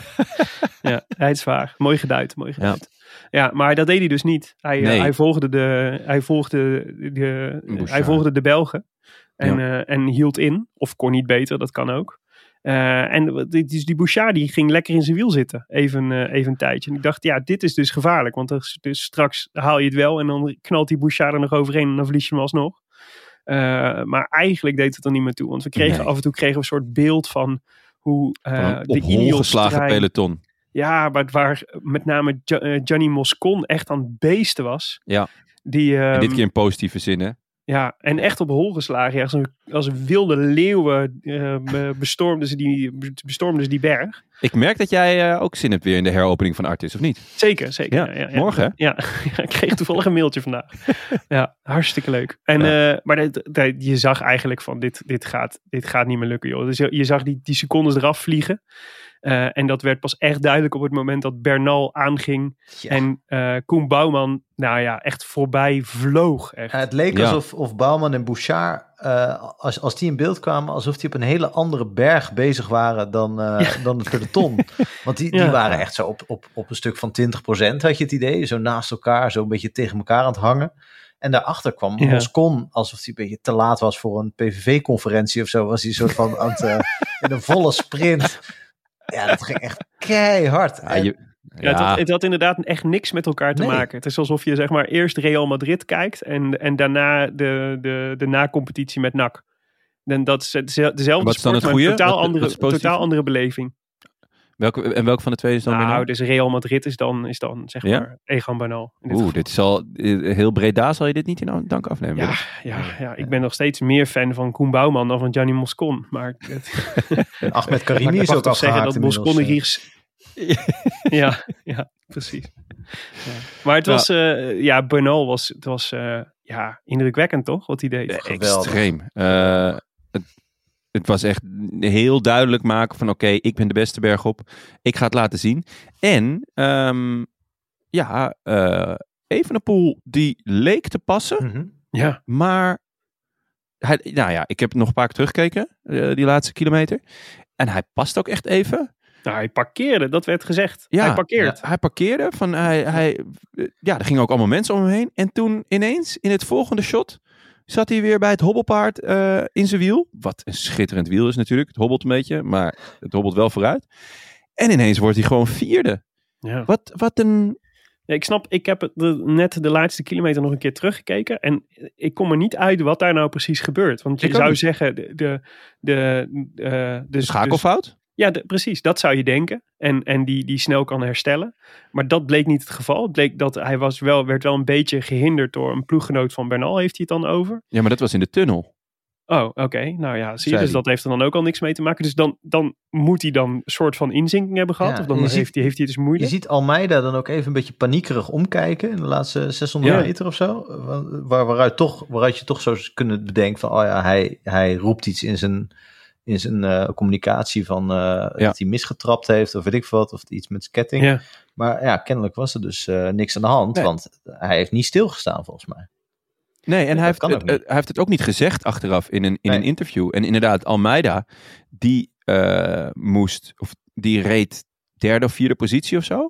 Ja. Eh, die wordt uiteindelijk tiende, dus ik weet niet of dat een kwestie van niet kunnen of niet mogen was. Want hij weet ook op het moment dat ik ook maar vijf meter te ver weg ben bij Evenepoel, dan wordt mijn eh, fiets in de bus Krijg- geflikkerd. Krijg ik heel België over me heen. Ja, dus eh, Die is, die is echt extreem angstig. Eh, dus die rijdt de rest van de, van de koers in de leren trui. En ehm, ja, ik vraag me echt af wat daar nou is gebeurd. En hoe die dan ineens weer zo heel goed is. Ja, heel Ja. vet hoor trouwens. Ja, Eh, maar dat is, dus, dat is dus het fascinerende. Van, Ja. waar, wat ik niet snap. Je, je kunt parkeren of je kunt een moeilijk moment hebben. Maar hoezo kun je, als dat in de laatste 800 of 600 meter is, hoezo kan je dan nog herstellen? ja. En misschien Eh, dat hij op even zo'n te manier veel dat je- met zijn rechterkant of zijn linkerkant reed. En dat hij dacht, oh ja, nee, ik moet de andere kant hebben. Dat zou het zijn. Ja, dat hij te veel met, een, met de slechte kant trapte. Ja. Ja, ja nou ja, ik vond, ja, dit is ja, ja, redelijk magisch wat daar gebeurde eigenlijk. Want hij houdt uiteindelijk, dus Bernal wint, eh, wint de rit. Eh Chicone, die, die kon hem nog het langst volgen, die eindigt dan op 7 seconden samen Ja, met die is goed hoor. Die is En goed. Chicone bedoel je? Ja, die zeker. is echt, echt heel goed. Die zag er echt sterk uit. Eh, maar Evenepoel finisht gewoon nog op 10 seconden. Hij was dat laatste Vierde stuk, plek. heeft hij nog zo hard gereden. En nog zoveel renners ingehaald. Het is nog net dus buiten de bonificatie valt hij nog. Ja, Want dat was voor de, die waren voor de eerste drie. Eh, Ja. En eh Dan Martin 5, Caruso 6, ook weer heel knap. heel knap. Eh Romain Bardet, die ook toch stiekem wel bij Die- de subtop begint te Die te is in orde hoor. Die Ja. is zeker in orde. Die gaat gewoon ergens rond plek 5 eindigen. In Ja, plaats precies. van Matteo Jurgensen. Ja, Soler. Daniel Felipe Martinez, die... die ehm, Tweede van Ineos. Ja, de nummer 2 van Ineos. Die, en Almeida, de nummer 2 van, van de Koning, wordt, De wordt tiende. Ja, ik ben Ja, ook wel blij voor Soler uiteindelijk hoor. nog eh, vijftiende. Zo. Ja. Zo'n, Voor eh, Soler? Ja, zo'n Ja, maar die gaat dat toch nooit volhouden, jongen. Nee, hij gaat het niet volhouden. Maar iedere dag dat hij niet eh, door het ijs zakt, is voor hem gewoon pure winst natuurlijk. Is er één. Ja, ja, dat is wel waar. Ja, elke dag dat hij gewoon dro- met droge kleren thuis komt, is het oké. ja. Ja. Kan hij Maar- gewoon, kan hij gewoon lekker een stukje serrano ham nemen. En een verdegootje opentrekken en denken, yes, ja ik, zit nu aan, kleren. ik zit nu aan Almeida te denken aan hoe die, hoe, hoe die misschien wel aan het remmen was. Want het was natuurlijk ook wel echt een aankomst waarop hij nog even explosief kon zijn. Dat Ja, hij gewoon net op tijd dacht, oh fuck, wat is morgen, morgenochtend paardenhoofd in mijn bed. eh remmen. dat hij, dat hij eh, verplicht een, eh, een glas wijn moet drinken vanavond. Ja, oh. En dat, je weet, dat hij weet hoe laat het is. Hier, hier. Nee, gewoon drinken. Hier, Joao. Neem maar lekker. Nee, nee, jij, nee, jij eerst. oh kijk, Nee, zie, daar nee, zijn de dopingcontroleurs. Op dit uur. Opvallend, ja. Ja, juist nu. Ja, Ehm, dat kan gebeuren natuurlijk. Maar Koen Bouwman werd nog, overigens nog keurig 15e. Maar om even Ja, ter ja. illustratie. Volgens mij heeft hij niet eh, 31 seconden in, eh, in de laatste 350 meter ongeveer. Van, Ja. eh, van Bernal. Ja, Ja, zeker. Echt indrukwekkend. Het was overigens de eerste eh zege in een eh, Grand Tour van Bernal. Eh, Ja. Daar was hij erg emotioneel onder. Maar dat, dat, ik stond daar eigenlijk van te kijken. Dat, dat, dat hij nog niet gewonnen had. Ik stond er ook enorm van te kijken. Maar dat, dat, toen herinnerde ik me weer inderdaad. Die Tour die hij heeft gewonnen, heeft hij geen enkele etappe gewonnen. Ehm, en ja, uit- uiteindelijk kreeg hij hem door, door die rare, ja, eh, die, die aardverschuiving. Ja, naar tienje. Kreeg je eigenlijk de Tour een beetje in de schoot geworpen. En die etappe had hij Ehm, waarschijnlijk wel dus- gewonnen, toch? Volgens mij. Toen lag hij... eh, nou, daar hij twijfel ik enorm over. Want hij was alleen weg, maar er was nog een heel dal en nog een berg. Heel en achter dal. hem reed eh, Jumbo met Kruiswijk. En Thomas die zat daardoor in de, ja, in de driving seat. In, in de zetel, ja. Ja, Nee, Ja, hij wel ja. Kruiswijk, goed, daar zijn hem- Kruiswijk vindt niet dat de Bernal had gewonnen hoor. Nee? Nee, die, is daar niet, die, zal, die zal het daar niet mee eens zijn. Oké. Maar goed, dus, hij die- was- maar- zal die Frank op moeten bellen. Ja. Ja, moet je zeker doen. Moet je zeker doen. Maar de Bernal was dus, eh, was, eh, werd na afloop geïnterviewd en was ook best emotioneel onder. Onder zijn eerste zegen. Ook, eh, ook eh, denk ik ook te maken met zijn, de, met zijn blessure. En wat hij, eh, nou ja, hij had het inderdaad over wat, wat hij er allemaal voor had moeten doen om, eh, om dit niveau weer te halen. Eh, dus het was een mooi, was een mooi beeld. Ja. Sowieso vond ik het een, een prachtig beeld om eh, Bernal in volle inspanning in, op, dat, eh, op die gravelweg te zien. Want het was echt, hij ging er echt helemaal voor. Ja. Echt gri- grinta in één beeld gevangen. Dat was, echt- ik vond dat heel tof. Ja. Echt goed gedaan. En, en hij is dus een nieuwe roze truidrager. Ja, Dat is jammer voor Attila Valter, die nu vijfde staat. Die had keurig de schade beperkt overigens. Klopt, Nog Een mooi, mooi in het klassement. die heeft Maar, goed gebikkeld. 15 seconden voor op Evenepoel. 21 op Vlaashoff. 36 op Chicone. Ja, het is, een, eh, het is best close nog. Morgen is natuurlijk, gaat er natuurlijk waarschijnlijk voor het algemeen klassement niks gebeuren. Nou weet je dat natuurlijk nooit in de Giro. Eh, maar, want er kunnen altijd mensen uitvallen of weet ik veel wat. Eh, maar vooralsnog staat de top 20 binnen de 2,5 minuut. Ja. En dat zijn dus eigenlijk bijna alle kanshebbers. Behalve, nou laten we zeggen, Pello Bilbao. 3,26. Mhm. Hindley, 4,27. George Bennett, ja, die moeten we afschrijven. hè. 10,33. Dat, is Ja. niet, meer- dat is niet meer speelbaar eigenlijk. En eh, Almeida dus. Ja. En, eh, en natuurlijk eh, Landa. Ach, Die, even even voor, het, voor het gemak, voor de, voor, voor, de- voor de fun. Ja. Wie is de rode lantaarndrager op dit moment? Zo, daar vraag je me wat. Ik krijg allebei één kans om dit goed, goed te antwoorden. Jos van Emden. Nee. Dylan Ja, Groenewegen. Nee, zit, die staat er wel dichtbij. Maar het is eh, Roger Kloege. Ah, die, wordt al, Oh, die staat toch Denken altijd jullie dat nog... eh, volgens mij. Wel vaak, ja. Ja. De, de we die sprintaantrekker voor eh, Caleb Ewan. Dus ik denk dat hij niet lang meer rode lantaarn is. Want hij zal wel vertrekken, denk ik. Ja, dat denk ik ook, ja. Wel vet dat eh Ewan eh, gewoon twee etappes had ge- ge- gewonnen. Met pijn toen de is gestart. En, en bij de eerste de beste tunnel is afgestapt. Maar ik heb het gevoel dat Caleb Ewan echt best wel vaak eh, vroegtijdig grote rondes verlaat.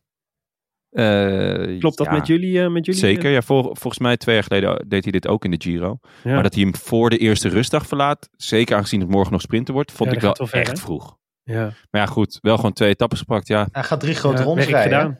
Dus eh, Ja. hij moet zich, eh, moet ja, zich maar een ja, zo, als, hij, als hij iedere keer één weekje doet, dan rijdt hij in totaal dus maar één grote ronde. Nou ja, er zijn genoeg renners die maar één grote ronde rijden per jaar, Willem. Is ook zo. En als je er in elke twee wint, nou ja, heb je het gewoon goed gedaan. Ja. Goed. Hebben we, wat was jullie moment van de, van de, afgelopen, van de afgelopen dagen? Nou, ehm, de Upside Down, Boy You Turn Me. Inside Oh ja. Out van eh Matej Mohoric. Ja, heb je het er eens over gehad? Ja, Willem, jij, jij, jij zat natuurlijk alweer eh, je evil love te lachen op de bank. Want jij hebt een hekel aan, aan alles en iedereen die ook maar in de buurt komt van, van wat een goede daler is. Ja. Eh en Mohoric staat natuurlijk bekend als een goede daler. Mhm. Maar hier in de afdaling, ik weet niet of hij nou door een gat reed. Ja, wat- Daar leek het Ja, wel daar, op. Daar leek het op, ja. Het leek op alsof Ehm, hij een gat, eh, een, een gat door een gat reed en vervolgens met zijn wiel tegen de stoeprand. Ja, daar, die blokkeerde daardoor. Ja, En toen Voorover en toen zo poink op zijn hoofd. Ja. En er is, ja, ik kreeg een stil doorgestuurd dat hij echt zo precies, je ziet gewoon allemaal mensen fietsen en dan één gast ondersteboven. op zijn kop. Ja. En we kunnen erom lachen, want hij heeft alleen een hersenschudding. Eh, maar het zag er wel echt, ja, gewoon een beetje als een stuiterbal zag het eruit. Ja, het gewoon ineens een en Echt heel Hopla. laag. Ik was blij dat we hem in een volgende beeld weer zagen staan. En ik was vervolgens blij dat we hem in het, vervol- in het volgende beeld weer zagen gaan zitten. ja, Eh, ja, want ja, het- want hij kreeg nog een nieuwe fiets. Toen dacht ik ook, jullie zijn ook niet goed bij je hoofd, hè. Ja, dat dacht ik ook. Maar ik, ik werd wel eh, daar, ik- dat dacht ik. En vervolgens werd ik gecorrigeerd door iemand op Twitter die schreef. Waarschijnlijk die mannen die hem die fiets gaven, die zagen alleen, die hebben niet gehoord wat er precies is gebeurd. En die zien hem alleen staan langs de kant van de weg met een kapotte fiets. En denken, Ah, hij, zo, moet een ja. kapot, hij moet een nieuwe fiets. Ja. Eh, en eh, nou kun je zeggen dat betekent dus dat het, eh, dat, dat eh, protocol niet helemaal deugt. Want je, je zou dus waarschijnlijk altijd moeten vragen aan zo'n renner. Of even een testje moeten doen bij zo'n renner. Ja. Van of hij ze nog allemaal eh, alle 24 in het kratje heeft, zeg maar. Eh, en kan je was- de tekst van Upside Down eh, nu opnomen? Als je dat niet kan, dan gelijk ja, ja, dat, is, dat zou, Stap dat dan maar in. de, dat en zou de gelijk dat nummer opzetten. moeten zijn. Absoluut. Ja. ja. Maar het is wel, er zit natuurlijk wel echt eh, heel veel ironie in dat juist Mohoric, bij, voor wie de, de supertuk verboden is, en altijd bekend is geworden met zijn supertuk, en nu die die niet meer mag doen, dat hij nu, juist nu valt. Ja, dat is inderdaad ironic, zou eh Alanis zeggen. Ja, dat zou Lennis inderdaad zijn. Maar het was toch in een bocht, Ehm, of niet? Eh, Ja. ja. nee, maar dat was, had hij natuurlijk nooit een supertuk gedaan. Gewoon een beetje, een beetje supertukker. Ja. Ja, hij is, je weet natuurlijk nu, nu die, een beetje- nu die eh, toch een beetje verward is waarschijnlijk, weet je natuurlijk helemaal niet meer wat hij gaat doen. Ik denk dat hij überhaupt niet meer op het zadel eh, komt. Je gaat gewoon de hele dagen. Waarschijnlijk stapt hij morgen op in de Ronde van Hongarije. Ja, ik ben toch altijd benieuwd hoe dit soort, eh, hoe- dit soort eh, vallen ook dan weer doorwerken. Hè? Dus Mohoric staat dan wel bekend als de, als de beste daler van het peloton. En ik denk dat er heel veel, dat heeft natuurlijk heel veel te maken met dat hij een hele goede techniek heeft. Hij had een hele bijzondere techniek, Mhm. namelijk een soort die, die ultieme supertuk dus, waardoor hij helemaal arrow eh, enorme snelheden kon maken. Ehm, en, maar het heeft natuurlijk ook te maken met het feit dat doordat je, ik denk, eh, laat het positief uitleggen, doordat je zoveel techniek hebt en zoveel, zoveel ervaring hebt en het, dat zo goed kan, dat je daardoor ook weer meer risico durft te nemen en daardoor nog sneller gaat. Je bent natuurlijk de beste daler omdat je de meest roekeloze gast bent. Toch? Dat, dat, dat Ja. gaat eh, hand Ja. in hand met elkaar, denk ik. Ja, zeker. Maar de, de- dan- dat is waar. Dat, zou, dat is mijn theorie ook altijd. Maar je moet daar toch ook altijd wel bij zeggen. Het is, dat is het natuurlijk niet alleen. Je durft ook het risico te nemen omdat je het gevoel hebt Ja. dat je controle hebt over je fiets. En, Ja. en het, is, het, het is wel een techniek, zeg maar. Heel Ja, goed kunnen tuurlijk. afdalen. En, ehm, maar ik ben heel benieuwd. En dat, dat gaan we natuurlijk de komende, de komende eh, als hij weer terugkomt, gaan we dat natuurlijk zien. Voor Wat doet zo'n zo'n één zo'n hele heftige val nou met dat gevoel van vertrouwen bij zo'n renner? Want het lijkt me heel moeilijk om, om nog hè, het onderdeel van dat je steeds harder durft te gaan en steeds, steeds meer risico durft te nemen, eh, is natuurlijk dat het nooit misgaat. Ja. Maar als het een keer wel misgaat, dan is dan zou, bij mij zou het meteen leiden tot, eh, tot eh, dan neem ik dus 50% minder risico voortaan. Ja, bij mij Wat ook. blijft er nog over van de, de supersnelste daler Mohoric? Bij mij ook, maar als je gewoon ziet, gemiddeld, in de gemiddelde grote ronde gaan er gewoon 40, 50 echt hard onderuit renners. En, eh, en, en er verdwijnen er een paar in het ravijn. En geen van die renners eh, rijdt daarna achter het peloton omdat hij niet meer durft of zo. Dus, dus het Ja, lijkt nee. wel alsof dat, dat menstype dat wij zijn al, zich al veel eerder heeft uitgeselecteerd. dat denk ik echt, dat je gewoon De scheidbakker. ja, dat je echt gewoon in, het, in de, de- Pro Tour met 200 De weldenkende, mooie, Ja. Mooie, intelligente, weldenkende, Ja. iets wat creatieve mannen wat zitten er niet in ja. het peloton, zeg je. Ja, dat, ik denk dat hij, ja, Maar Die- wel gezellig. wel. Overigens gaf, eh, gaf, Als je, als je meer wil weten over, over de, Over de kunst van het dalen. Oh. Ja, ja.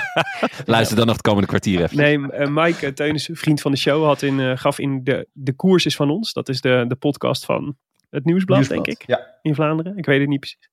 Die ehm, werd hij geïnterviewd en daar gaf hij een uitgebreide eh, verslag van zijn eh, daaltraining. Die hij had gehad Ja. met een of andere mountainbiker. Die, eh, die, die ze dan bij de ploeg hadden ingehuurd om beter te kunnen, beter te leren dalen.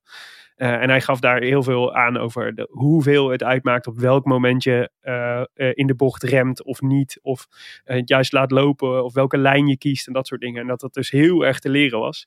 En dat hij zelfs zeg maar een super ervaren profrenner, eh, die toch ook geen slechte daler is, ondanks een schuivertje in het laatste, laatste trainingskamp. Eh, maar zei ja, ik heb gewoon, ik, ik heb daar uit die training zoveel geleerd dat ik het gewoon, dat ik het, dat ik het daarna echt het gevoel had, ik, ik beheers het nu beter. Ja. Dat hij ook dat bij andere profs zag van ja, die hebben gewoon, je, je pakt gewoon eh, procenten in, in snelheid door gewoon een betere techniek aan te leren. Ja. En dat is echt interessant. Maar dus in die podcast vertelt hij daar uitgebreid over. Dus als je dat interessant vindt, dan moet je die zeker ook even luisteren.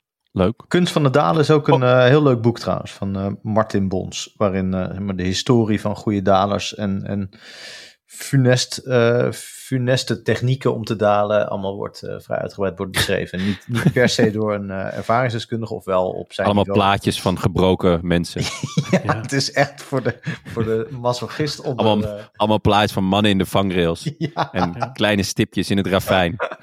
ja, ja, een heel hoofdstuk over Johan Bruineel die dan zo ergens rechtdoor rijdt waar hij het linksaf had gemoeten. Oh, Dat Oh. beeld. Ja. vreselijk. Ik kan het, eh, ik, oh, ik kan, soms kan ik er, ik kan ik er, als ik erin zit, dan, dan vind ik het prachtig, een afdaling. En soms kan, mij, kan me als kijker dus de angst ook om het hart slaan. En dan, dan ga ik het liefst gewoon de afwasmachine in, in, inladen, Ja. tot het voorbij is. Ik heb dat ook met sprints gaat en ook met stuk op het vlakken. Ik sta eigenlijk de helft van de tijd eh, in de keuken. Gewoon eigenlijk alles. Ja. Kijk jij wel eens wielrennen, Frank? ik vind de muur van Hoei, dat gaat net langzaam genoeg. Dat durf ik, eh, dat, dat vind ik, vind ik te Ja, doen. daar kan heel, kan heel Ja, maar weinig misgaan. Dan gaan ze weer zo langzaam dat ze af en toe eh, omvallen. Omvallen, ja. Ja. Wat natuurlijk de leukste valpartij is. Hè? Ja, valt die- daar berg op. Wat die Fabro, volgens mij is die nu al twee keer bergop gevallen. Wat is dat? Echt? Ja, ik heb het idee, want volgens Oh, mij ging die leuk. vandaag ging die onderuit. Dat is was een beetje de misschien- eigen goal van het wielrennen, hè? Ja, bergop vallen, ja. Ja, ja maar Ja. ik vind die Fabro, wat heel veel mensen vinden hem een leuke renner. En eh, dat, dat zal hij ook best zijn. Het lijkt me ook, eh, ja, er zal niks mis mee zijn. Maar bergop vallen, meerdere keren, dat, eh, daar moet... eh, ik vind op een gegeven Ja. moment moet je als ploeg ook zeggen dat moet er wel uit. Ja, dat moet eruit. ja, het is, het is ook een soort schwalbe, vind ik. Gezondheid. Ja, zwaar. Hey, eh, Frank, wil- zijn er nog eh, dingen waar jij graag eh, nog even op terugkomt? Als het gaat over de afgelopen dagen? Nou, eh, nou, ik zat dus. eh, ik, nee, wat, wat, we bespraken die, die tunnel. En ik, ik vraag me af: zit er nog in de komende weken nog zoiets? Een- Nog zo'n moment? Of moeten we het nu weer hebben gewoon van de slechte regie? eh, en van, eh, en van, het, eh, van, van rotweer. Om, eh, om geen beeld te hebben. Want ik vond het weer mega spannend. En ook, ook met name wat Jeroen Ja. en Karsten, hoe die die tijd dan vullen. Dat is ook Ja. verrukkelijk. Want het is natuurlijk Dat is echt de finale poëzie. van een rit. Eh, ze, hebben, ze- ja, de- ze, ze zijn iets aan het opbouwen. Ze zijn naar een soort climax aan toe groeien. En dan moeten ze, ja, wat is het, een minuut, anderhalve minuut, eigenlijk zwijgen. Mhm. Want ze, ze, weten niet, eh, ze weten niet wat ze moeten zeggen. En dat zijn zulke spannende eh, seconden. Ook dat je het idee hebt van, oh ja, nu, nu komt hun hele relatie wederom op het spel te staan voor de zoveelste keer. Ja, Ik, ja, ik vind Nou, dat wat- heerlijk. Wat, ik wel, Ja. wat wel heel jammer was, daar vond ik dat als, als het peloton op dat moment nog bij elkaar was geweest, dan was het eigenlijk nog spannender geweest. Ja. Nu, was het, nu zat er ongeveer anderhalf minuut tussen Bouwman en eh, Boulanger. Nee, hoe heet die nou? Bouchard. Bouchard. Jij zit gewoon aan François Frans. Boulanger. Groen. François Boulanger en Koen Bouwman, die zaten, die zaten ongeveer anderhalf minuut nog voor het peloton, waardoor zij eigenlijk Maar kort. bijna uit Ja. de tunnel waren op het moment dat, de, dat het peloton erin dook. En je dus eigenlijk vrij lang zonder, eh, maar heel kort zonder renners Ja. zat in totaal. Ik had wel het idee En dat, dat was- Bouchard dat was- en eh, Bouwman vertraagden om, gewoon om, om dat ongemak nog even wat eh, eh, te Ja. verlengen op tv. Ja, Maar een op. vriendelijk verzoek voor de volgende keer om er met z'n allen in te duiken. Zodat we Ja. echt anderhalve minuut geen renners zien Ja. in diepe Ja. finale. En misschien dan Weet je, ook net als dat WK stoppen. destijds, weet je wel? Ja, dat. WK, ja. Weet Dat- je nog dat WK dat het... Wat, Van wie komt er als eerste door de bocht? Was dat in Bergen? Ehm, ja, denk het. Ja. Dat is dat Nou. WK dat in één keer, dat in één keer in de laatste ronde het, al het beeld wegviel. Ja. En we alleen nog vast de camera zaten Ja. te wachten op de... Op de was, Met Moscon en Alaphilippe, toch? Ja, er was een demaraar. Er was een, volgens mij was, was net iemand gedemareerd. God, jeetje. Dit was, dit Ja, was zo absurd. Was Moscon gedemareerd en ging Alaphilippe erachteraan of andersom. Ja, en het eerstvolgende was beeld echt- was dat, er een, dat de hele groep weer bij elkaar zat. Ja, volgens mij. het was echt heel spannend. Oké, wie gaat er nu om de hoek komen? Oh, dat was geweldig. Dit moeten we vaker doen, deze trucs. Ja, als het ergens kan, dan is het in de Giro, Precies. denk ik. Ja, absoluut. Ja, Zeker. is wel zo. Hey, ehm, hebben jullie nog naar de Ronde van Hongarije gekeken vandaag? Altijd. Nou, er was zoveel wielrennen dat, dat dit me niet gelukt is. Want Maar de was, Leon eh, was natuurlijk ook nog. We hadden het net natuurlijk over Mike Teunissen. Die reed daar.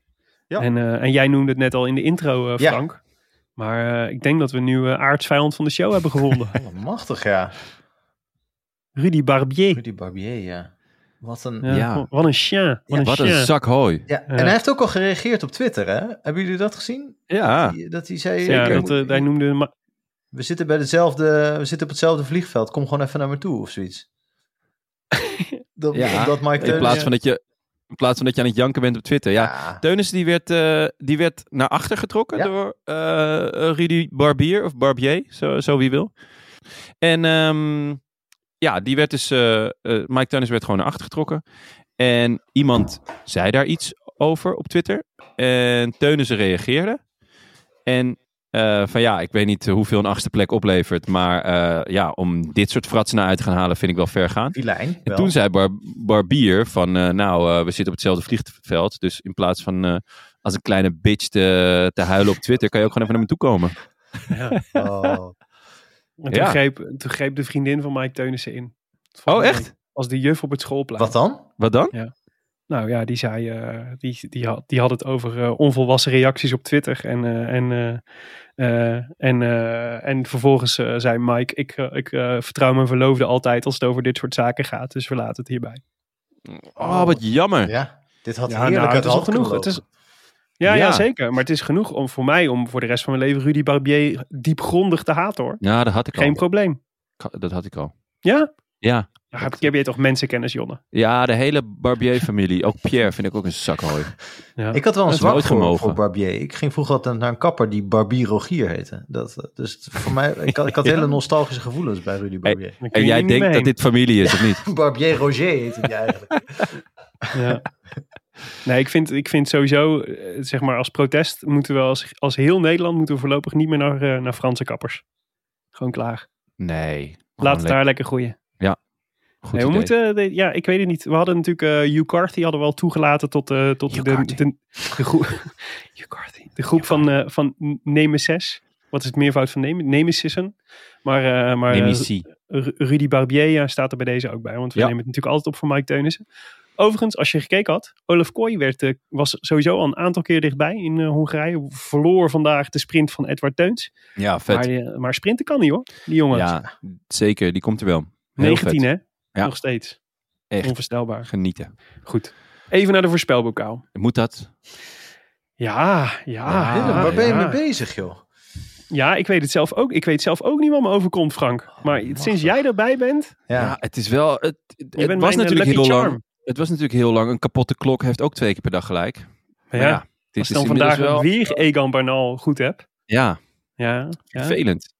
Ja, het is geen streak meer, want eh, vorige, de vorige aflevering had ik het natuurlijk ook mis. Maar toch, de, de derde in, eh, in vier shows. Ja, van een Ja. kapotte klok naar de Rolex van Maden. Dat is echt ingeleend. Ja. is wel een beetje. Ja, Jonne, jij mocht lang hopen met Mollema natuurlijk, dat het wat zou worden. Ja, het was... Je had in ieder geval de dag goed voorspeld dat hij zou gaan. Dus dat is wel, eh, dat is wel mooi. Dit is de arrogantie Dit- van de... Ja, nee, dat is ook. Die, die, En Frank had ook een hele leuke renner uitgekozen. gelijk die houding. Die had ook, die had ook Oh, prima kunnen winnen. Hij deed het niet. Nee, hij deed Ik het had niet, de maar beste het, was, het, het had gekund. Het had gekund. Type even een poel hoor, in ene uit het niks. Jongen, jongen. Ik doe nu zo'n brush-off van mijn schouder. Ja, de humble brag. Daar is hij hoor. Jongen, jongen. Maar goed, ik was niet de enige die het goed had. er Nee, waren heel veel was mensen een heel die, makkelijke eh, voorspelling natuurlijk. er waren heel veel mensen die mijn advies gevolgd hadden. Eh, Gijs van Malen, Martin 2, Niels Waanders, Marcel Vladeris, Jeroen a.k.a. Pedel Evans, Olafski, Lucas Mevius, Lars 13, Erwin 1, Thijs, Sst, daar is hij weer. Wim de Kruijf, Dennis Dumolen, Lennart en Hidde Roorda hadden allemaal eh Egan Bernal. Waarvoor, uh, waarvoor hulde. De notaris heeft Niels Waanders tot de winnaar gekozen. Dus uh, gefeliciteerd Niels. Je mag, ja, je mag even contact opnemen met groetjes.rolantaarnpodcast.nl of je groetjes inspreken op een, uh, via een audiobericht. Dat vindt John altijd het leukst. Ja. Op vriendvandeshow.nl slash de rode lantaarn. En dan horen we je volgende week. Vorige week was het Matthijs Aukema. Met dank aan Gino het voorprogramma Meder. Dus daar gaan we, wij gaan even luisteren naar Matthijs en groetjes. Uh, tijdrijders. Thomas, Dennis, Van Ende, Kampenuit en Van Aert. Die onlangs de sprint won, want hij blijkt hem goed te kunnen sprinten van Viviani. Die uh, is net als Groenwegen, Ewan, Cavendish. en tijdens die de eerste etappe van de Tour de France won, terwijl hij eigenlijk een knecht was voor Groenwegen. Klassiekers. Sagan, Matthews, Poels, Derstra, Kwiatkowski.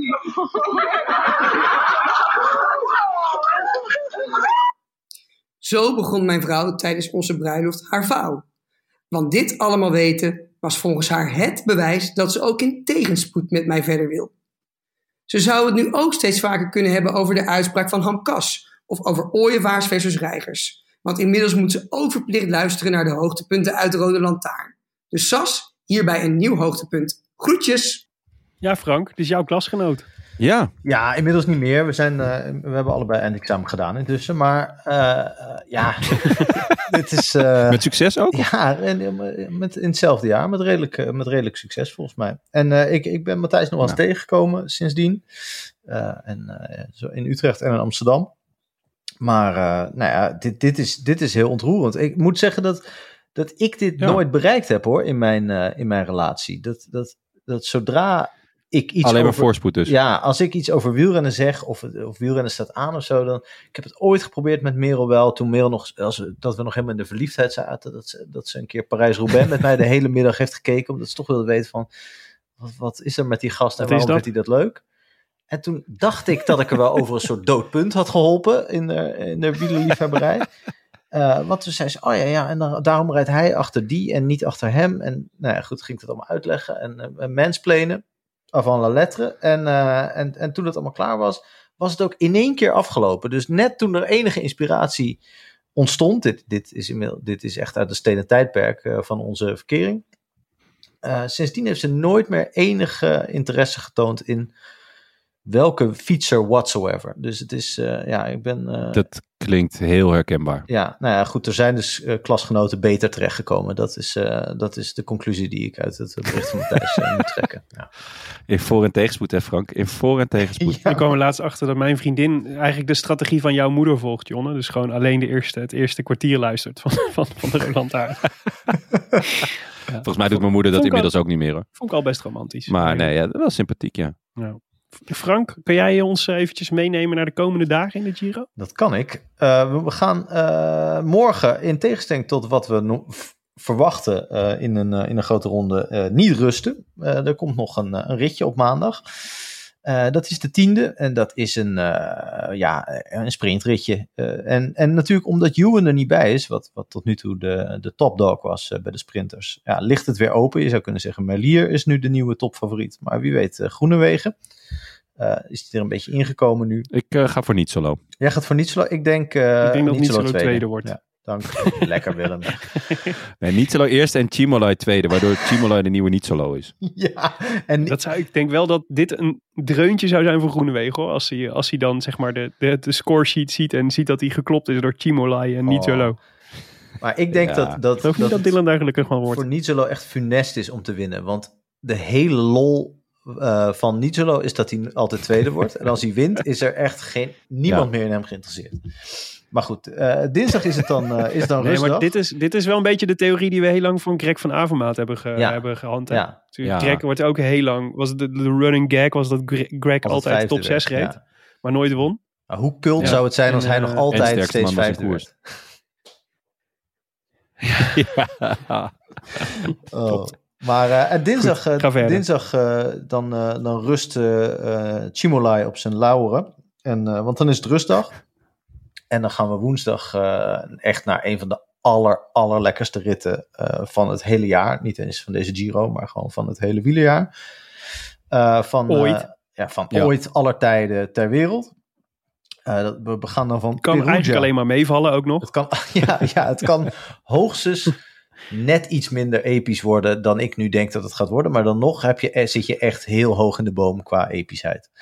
Eh, het is, eh, we gaan van Perugia naar Montalcino. Sowieso twee, eh, twee prachtige plaatsen. Daar zie je natuurlijk geen, geen hout van als renner, als, als kijker. Maar, en als renner trouwens ook niet, maar dat moet je er dan maar bij fantaseren. En, maar die hele ri- rit, ook door de Val d'Orcia en over grindwegen, 35 kilometer lang, heuvels, steile stukjes, waarschijnlijk rot weer, want dat is de hele Giro. Dat wordt echt Ja. smullen. Het, ja, er wordt, ja, je mag gewoon, ja, zorg gewoon dat je agenda leeg is. En zorg ook dat je agenda voor de komende dagen daarna leeg is om gewoon een beetje te Ja. bekomen. De en, hele eh, middag te kunnen kijken. ja, foto's eh, terug te kijken en zo. Dat wordt Ja. echt smubbelen. Extra ja. dagje aanvragen op de crash. Ja, inderdaad zeg. Ja, en ook de- gewoon dat ze een keer s'avonds en s'nachts op de crash kunnen blijven. In, in godsnaam. maar, dat eh, kan best een keer. Dat kan best een keer. is Zeker prima, tijdens de. Giro. dus Niemand dat, die dat door heeft. Ja, dat wordt echt... eh, ik denk dat Cadel Evans eh, dan eh, gaat winnen. Eh, die, die dag, eh, zoals de vorige keer. En dan eh, gaan we naar, dat is donderdag. En dat is ook de da- dag dat de voorspelbokaal-etappe is. Rit 12. 212 kilometer, best wel lang. Van Siena, ook niet misselijk qua leuk om naartoe te gaan. Naar Bagno di Romagna. En dat zijn mega veel hoogtemeters. Niet direct een bergrit, of helemaal niet eigenlijk, maar wel loeiend zwaar. Met, met allerlei klimmen halverwege. En het, eh, het finisht ook eh, op, een, eh, op een behoorlijk eh, lastig stuk.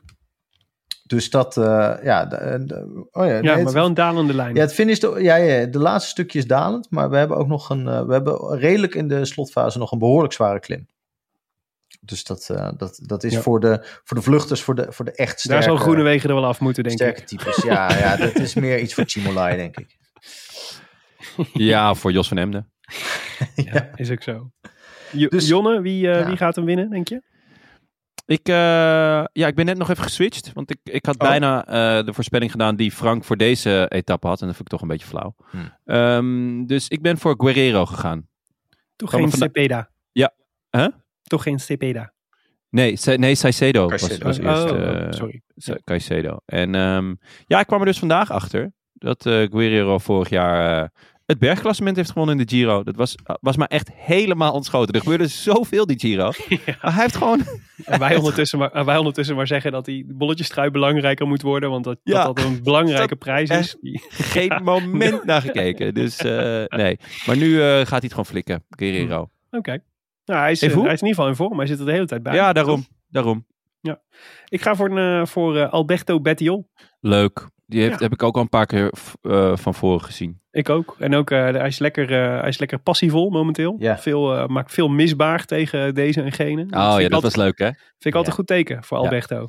Ja. Hij, het enige wat, denk ik, wat hij nog nodig heeft, dat, dat hij ergens in de komende dagen moet hij eh, beef krijgen met iemand van de Koning Quickstep. Dan komt alles goed. Oh, dat zou lekker zijn. Met Ja. wie dan? Met uh, ja, nou het liefst natuurlijk. Remco. Masnada. Ja, Nee, het Italianen liefst- onder elkaar. You, you, you, you go for the king natuurlijk hè. Ja? Met Ja, God? Even een kwakkie naar eh, Remco. En dat dan de hele ploeg boos Ja. is.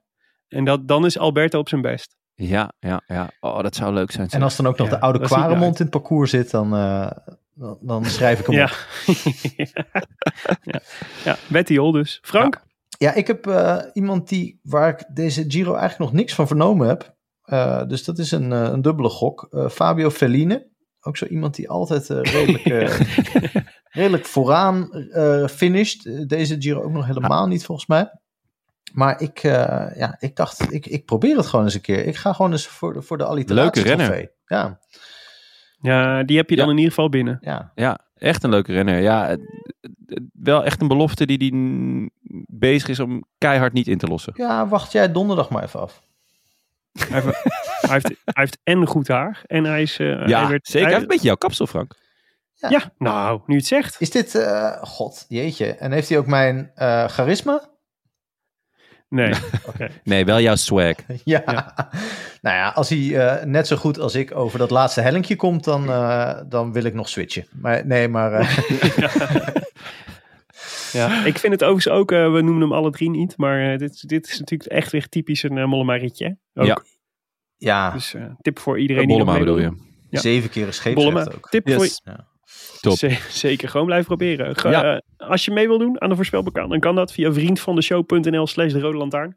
Eh, en voor de winnaar uiteraard eeuwigdurend opscheprecht. Ook de kans om één iemand de groetjes te doen eh, in de show. Eh, of te vertellen over de staat van je huwelijk. Geen probleem, kan allemaal. U luisterde naar De Roland Taarn, de podcast voor wielerkijkers, gepresenteerd door uw favoriet, favoriete bankzitters, eh, Willem Dudok. Eh, die warme, vertrouwde deken waar je uren naar kunt luisteren. Frank Heijnen en mezelf, Jonas Riese. Veel dank aan onze sponsoren. Canyon, fiets van de show en Auto.nl. Als ook aan eh, vrienden van de show. Eh, bijvoorbeeld Mieke Geugies, Moski, Peter Kleiweg, Lisa Suiker en Marcel de Laat. Marcel de Laat. Of eh, Peter Sloterdijk, Erik de Boer, Danny Rensenbrink, Maarten Jonkers, Ricardo Walinski, Frido Frenke.